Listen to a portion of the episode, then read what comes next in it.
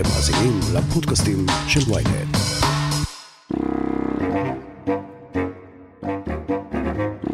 שיטת הבלוף של חוק ההסדרים שבה לחיינו אחרי קרוב לשלוש שנים שבהן לא היה בצורך, כי הממשלה פשוט לא העבירה תקציב. אנחנו יכולים להצביע בקריאה שלישית על uh, הצעת חוק ההתייעלות הכלכלית (תיקוני חקיקה להשגת יעדי התקציב לשנות התקציב). השיטה לדחוס לתוך חוק אחד אלפי סעיפים, עשרות רפורמות ומיליארדים רבים נתונה במחלוקת, אבל האם אפשר להעביר תקציב מדינה ללא שימוש בחוק ההסדרים? גד ליאור, הפרשן הכלכלי של ynet וידיעות אחרונות, על החוק שנולד כדי לקמבן קומבינות באופן חוקי, ועל הבעיה הדמוקרטית שיש בחוק שכל כולו משחקי תעתועים פוליטיים. הכותרת, הפודקאסט היומי של ynet עם עטילה שומפלבי. גד ליאור, מי המציא את חוק ההסדרים, אתה זוכר? בוודאי. קראו לו יצחק מודעי, היה שר האוצר ב-1985, כאשר הייתה תוכנית הייצוב. תוכנית שעשו אותה אז במשותף, שמעון פרס, שהיה ראש הממשלה, יצחק מודעי, שר האוצר, מיכאל ברונו, לעתיד נגיד בנק ישראל. הם התחילו לעבוד. על מה? על תקציב ועל תוכנית כלכלית מיוחדת כדי לחלץ את המשק מ-500 אחוז אינפלציה. אפשר להבין את זה? אנחנו מדברים היום, האם יש אחוז, אחוז וחצי, 500 אחוז בשנה. ואז המציאו את העניין הזה, בואו נעשה שורה של רפורמות ותוכניות כלכליות ונאגד אותן בחוברת אחת. לא בתוך התקציב, ליד התקציב. קראו לזה חוק ההסדרים. כולם חשבו חוק אחד לתוכנית אחת לאותה שנה. מה קרה? מצאו במשרד האוצר, וגם בממשלה, וגם ראשי ממשלה והכול, מה טוב. בואו נדחוס פנימה כמה וכמה תוכניות שאולי לא היו עוברות לחוד, נכניס אותן פנימה, וננסה להשיג אישור. אתה יודע מה ההבדל פה? ההבדל הוא שדנים בחוק הזה בוועדות כלכליות שונות בכנסת. ועדת הכספים, ועדת הכלכלה, ועדת הרווחה, אבל אחר כך ההצבעה במליאה היא כמקשה אחת. האם אתם בעד חוק ההסדרים או נגד חוק ההסדרים. וזה עבד? זה עובד טוב. תראה, לפעמים מוצא, הרי יש דיון בוועדות. קרה כבר שהיו כל מיני גזרים, הרי האוצר עושה, מתחכם לא פעם. פעם רצו אה, להקים איזה שדה תעופה בצפון, ולא היו לזה תומכים, וכן היו לזה תומכים, ולא היה כזה, אז הכניסו את זה לחוק ההסדרים, וזה יצא מחוק ההסדרים. פעם רצו לסגור את מכון התקנים, הכניסו. הייתה חברה בשם החברה לעשבי בר, להדברת עשבי בר. חברה ממשלתית, אף אחד עד היום לא יודע בדיוק מה היא, מה היא עושה, מה היא היא עשתה? הדבירה עשבי בר. אז כל פעם הכניסו את זה לחוק ההסדרים, וכל פעם זה יצא החוצה, כי היו כמה אינטרסנטים שרצו שהחברה הזאת תימשך ג'ובים וכולי. עד שפעם אחת זה נכנס לחוק ההסדרים, וזה עבר ובוטל, אין יותר חברה לעשבי בר. זאת אומרת, חוק ההסדרים יכול להיות גם חוק טוב במובנים מסוימים, להניע את הגלגלים, להזיז דברים מהר יותר, ולא בחקיקה ראשית. ממש דייקת. זאת אומרת, יש בזה דבר טוב. יש הרי חוקים שאנחנו רואים אותם שנים, קח את גיל הפרישה. מתעסקים בזה מ-2010, ב-2011 כבר אמרו תוך שנתיים-שלוש, ב-2016 זה למעשה חוקק, כל פעם זה נדחה, עכשיו זה יהיה בתוך חוק ההסדרים, כאמור בהצבעה אחת, כנראה שזה לא יצא משם, כי אם זה יצא משם, אז uh, uh, חברים עמיתים בקרנות הפנסיה הוותיקות ייאלצו לוותר על חלק מהפנסיה, כי אין כסף, כי אין מספיק כסף, צריך לגרום לזה שגיל הפרישה לנשים יעלה, אגב, כנ"ל בביטוח הלאומי, זאת אומרת, זה חוק שצריך אותו. מכניסים אותו עכשיו לחוק ההסדרים, לצד חוק אגרות הגודש, שלבד אולי לא יעבור בכנסת, אבל בתוך, ואז עושים כל מיני הסכמים גם.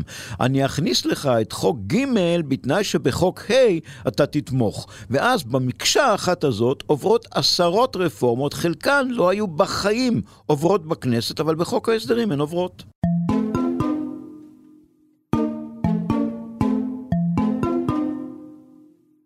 כמה זה עולה לנו, הציבור הישראלי, להעביר מדי שנה או מדי שנתיים, תלוי באיזו קונסטלציה פוליטית אנחנו חיים, חוק הסדרים כזה? קודם כל, אמרת נכון, שלוש שנים וארבעה חודשים אין חוק הסדרים. האחרון חוקק ועבר בכנסת במרץ 2018. זה עולה מיליארדים, אי אפשר לנקוב כרגע בסכום, זה שלושה, ארבעה, שמונה, עשרה מיליארדים, זה לא חוקים של כמה מיליונים בודדים, אבל אני אומר שוב, חלקם מוצדקים לחלוטין. העלאת גיל הפרישה לנשים, אני אומר כאן, זה הדבר הכי מוצדק שיכול להיות, שיש המון נשים שאומרות, אני בת 62, אני רוצה להמשיך לעבוד. מה בעצם ההבדל? היום המעביד יכול להגיד לה, סליחה, לכי הביתה, את בת 62. החוק הזה לא עבר בכנסת כי חברות כנסת רבות התנגדו. והיה כאן עניין פוליטי, השר משה כחלון משך את זה, השר ישראל כץ משך את זה, הם לא רצו להעביר את זה, הם פחדו כנראה מהבוחרות. עכשיו זה יעבור, אני אומר חד וחלק, בתוך חוק ההסדרים זה יעבור. כסף, כמה זה עולה? מיליארדים, עשרות מיליארדים, כמה אפשר לדחוס לתוך. אין גבול. חוברת הזאת. אין גבול, אבל אני חייב לומר דבר אחד, כל חוק שעובר בכנסת צריך להגיד מאיפה המימון. אתן לך דוגמה ממש חדשה מהימים האחרונים. הגזירה, קוראים לה גזירה, כן, של אה, השר ליברמן, בנושא מעונות היום. לא לתת סבסוד לבני זוג, הורים שלא עובדים. אצל חרדים בעיקר, זה עשה ולכן, מהומה. נכון. עכשיו, החוק הזה אגב, לא משנה אם הוא ייכנס או לא ייכנס, הוא לא, הוא לא ייכנס חוק ההסדרים, אגב, לא צריך, זה מעניין מאוד, פה לא צריך חקיקה, זה מין הסדר כזה, אפשר להפעיל אותו ללא חקיקה. אבל למה אני מזכיר אותו? כי למשל, הולכים לחסוך פה 55 מיליון שקל. עכשיו, השר ליברמן מצא לזה ייעוד, וייעוד טוב. בואו נעביר את הכסף הזה למאבק נגד האלימות במשפחה. זאת אומרת, כשחוקקו את החוק למאבק באלימות במשפחה, צריכים להגיד מאיפה יבוא התקציב, ולא כל כך היה, הנה בבקשה, יש תקציב. אגב, הוא, הוא גבוה יותר בסך הכל, אבל הנה חלק מהתקציב יבוא מכאן. זאת אומרת, לכל אחד מהחוקים, גם בחוק ההסדרים, צריך למצוא איזשהו מקור כדי לממן אותו. אז יש מנגנון מסודר בעצם, זה מה שאתה אומר, זה לא סתם שלוקחים חוברת שמנה, ממלאים אותה ואת עמודיה במיני חוקים והצעות ומפעלים נסגרים ושדות תעופה מוקמים, אלא חייבים שיהיה גם צינור כסף שמחובר לחוק ההסדרים. נכון. ואטילה אמרת קודם נכון, דבר נכון מאוד. האם חבר הכנסת שאני ממציא אותו עכשיו, ישראל ישראלי, יקרא את כל חוק ההסדרים? אני מודיע לך חד וחלק, ממש לא. לא כי הוא עצלן, כי מדובר במאות עמודים. מדובר בחוקים מסובכים, מדובר בחוקים שיפוזרו בוועדת הכלכלה, בוועדת הכספים, בוועדת הרווחה. עכשיו ועדת הרווחה חולקה לשתיים, תהיה גם ועדת הבריאות. כל החוקים האלה, לך תגיד לחבר הכנסת ישראל ישראלי, תעקוב אחרי כל הוועדות, תראה מה אושר, מה לא, אולי יש לך התנגדות, כי זה מגיע מבושל, נגיד חוק מסוים מוועדת הכלכלה, הוא חוזר אחר כך להצבעות שנייה ושלישית בכנסת, אחרי שהוא תוקן או לא תוקן בוועדת הכלכלה, חבר הכנסת בעצם הרגיל, הממוצע, לא חבר בוועדה הזו, הוא בכלל לא יודע. על מה הוא לא יודע, הוא מצביע כמקשה אחת על חוק ההסדרים. פעם, אני יכול לומר לך, שני עיתונאים ואנוכי היינו ליד חבר הכנסת ושאלנו אותו, תגיד, אתה אה, בעד ביטול או דחיית יום הלימודים הארוך? אומר, מה פתאום? ממש לא. אומר, אבל הרגע הצבעת בעד. זאת אומרת, משרד האוצר כל שנה היה מעריך, כבר 15 שנה עושה את זה, את המימון, כי אין מימון ליום לימודים ארוך. יש חוק, החוק קיים וכל פעם דוחים בשנה. אז הייתה הצבעה על כמה וכמה סעיפים ופרקים, ואחד מהם היה התחייה הזאת, אבל הוא בכלל לא ידע שהוא הצביע לדחות. הוא אומר, אני לא הייתי דוחה, אבל הצבעת רגע בעד. אחלה ישראבלוף, חוק ההסדרים. ממש, הזה. ממש כך. מישהו רצה לבטל את כל החוק הזה? מישהו אמר, זהו, מספיק עם הקומבינות? המישהו האלה לרוב לא יושבים בכנסת, ונוח להם. תראה, יש גם חברי כנסת שלא רוצים, אבל לא, גם חברי הכנסת בעצמם מכניסים לשם כל מיני. זאת אומרת, הם אומרים, אני רוצה שמשרד האוצר יחוקק א', ב', ג', ומשרד האוצר אומר, אתה יודע מה, זה נראה לנו, נכניס את זה לחוק ההסדרים. זאת אומרת, אין אינטרס מיוחד בעיקר לקואליציה לבטל את זה. לכן תשאל אותי, האם אה, מיקי לוי, יושב ראש הכנסת, יפעל עכשיו לביטול חוק ההסדרים? אני לא דיברתי איתו מילה בעניין הזה, בטוח שלא. מה, הוא יפעל עכשיו נגד יש עתיד, נגד כחול לבן, נגד... אני יכול להגיד לך, גם הליכוד לא רוצה שזה יבוטל, כי יהיו גם הסכמים. אני מקווה, כולנו מקווים שהתקציב יעבור. אולי אפילו חברים בליכוד יתנו הצבעה או הימנעות את החוק הזה שלנו, שאנחנו מנסים לקדם כבר שלוש שנים, תכניסו לחוק ההסדרים, אנחנו נימנע. לדוגמה, זאת אומרת, יש עסקאות מאחורי הקלעים, וצריך אגב מאוד לקוות, אני אומר את זה בהזדמנות הזאת, שה... תקציב יעבור משתי סיבות. א', צריך תקציב וחוק הסדרים דחוף, וב', אה, לא צריך ששוב יהיו בחירות. זאת אומרת, אה, לא משנה מה הדעה הפוליטית, כרגע יש ממשלה שצריכה קודם כל להעביר תקציב וחוק הסדרים. הכי חשוב. אנחנו רוצים לקדם את כלכלת ישראל, אנחנו רוצים לאשר את התקציב. היום בבוקר נפגשתי עם הנהלת אה, משרד האוצר. מה מצפה לנו בחוק ההסדרים שמכין לנו אביגדור ליברמן? יש שם הרבה דברים מעניינים, הרבה מאוד אפילו. הזכרתי כמה דברים, גיל הפרישה לנשים, אגרות גודש. יש למשל הפיכה של משרדים לדירות. אנחנו יודעים שהקורונה עשתה משהו, אגב, היא עשתה משהו כנראה לעדי עד, היא לא עשתה את זה לאותה שנת קורונה. יש הרבה מאוד מקצועות שאפשר לעבוד בהם מהבית. ומקומות עבודה רוצים לחסוך כאן, א', חלילה הידבקות, אנחנו לא יודעים מתי ניפטר מהקורונה, קודם הווריאנט ההוא, עכשיו הווריאנט הזה, וחוץ מזה, אפשר לבצע את העבודות האלה תוך צמצום מספר העובדים במקום עבודה וצמצום הפקקים, הכל ביחד, זאת אומרת, זה אחד תורם לשני. למה שהמעביד ידרוש ממר כהן לעמוד שעה וחצי בפקק כל יום ולעבוד? הוא אומר לו, אתה יודע מה, יומיים בשבוע תעבוד מהבית. עכשיו, הוא יצטרך פחות שטח, יש שם כיסא שהוא יהיה כיסא שעובר לסוחר. ביום אחד יוסי יושב, יום אחד חדווה יושבת. מה, מה שקורה זה שעל ידי כך יחסוך המעסיק כסף, העובדים יוכלו לעבוד מהבית, יהיו פחות פקקים.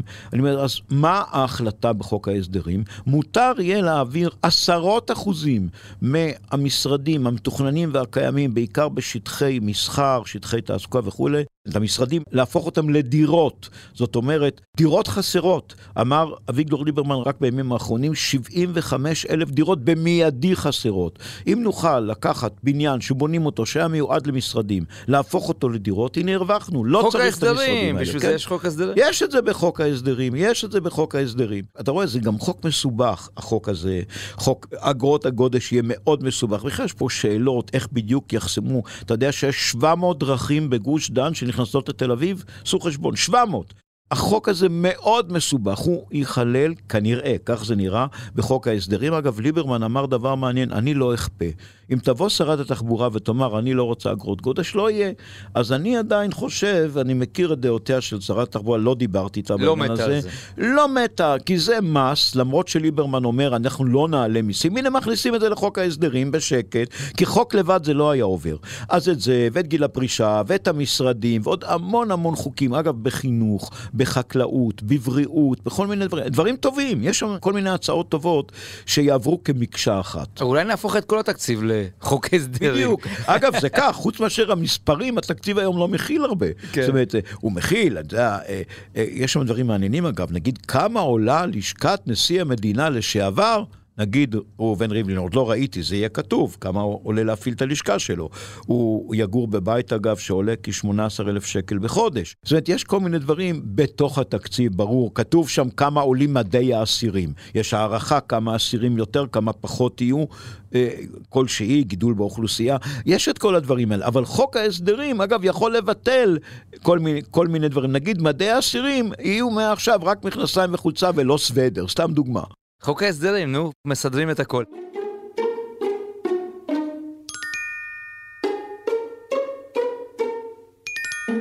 יש עוד מדינה שעוקפת את הדיון ואת החקיקה, ובעצם את הדמוקרטיה בצורה מסודרת, כמו חוק ההסדרים כאן במדינת ישראל? יש עוד פרלמנט אז אני שעושה יכול? לומר לך, לא בדקתי את כל המדינות. בדקתי שתי מדינות, אה, שלוש בעצם, גרמניה, אוסטריה והולנד. גרמנית אני דובר. אז אני קראתי לפני שנים אחדות וראיתי, חוק ההסדרים נמצא בתוך התקציב, זאת אומרת אין חוברת מיוחדת.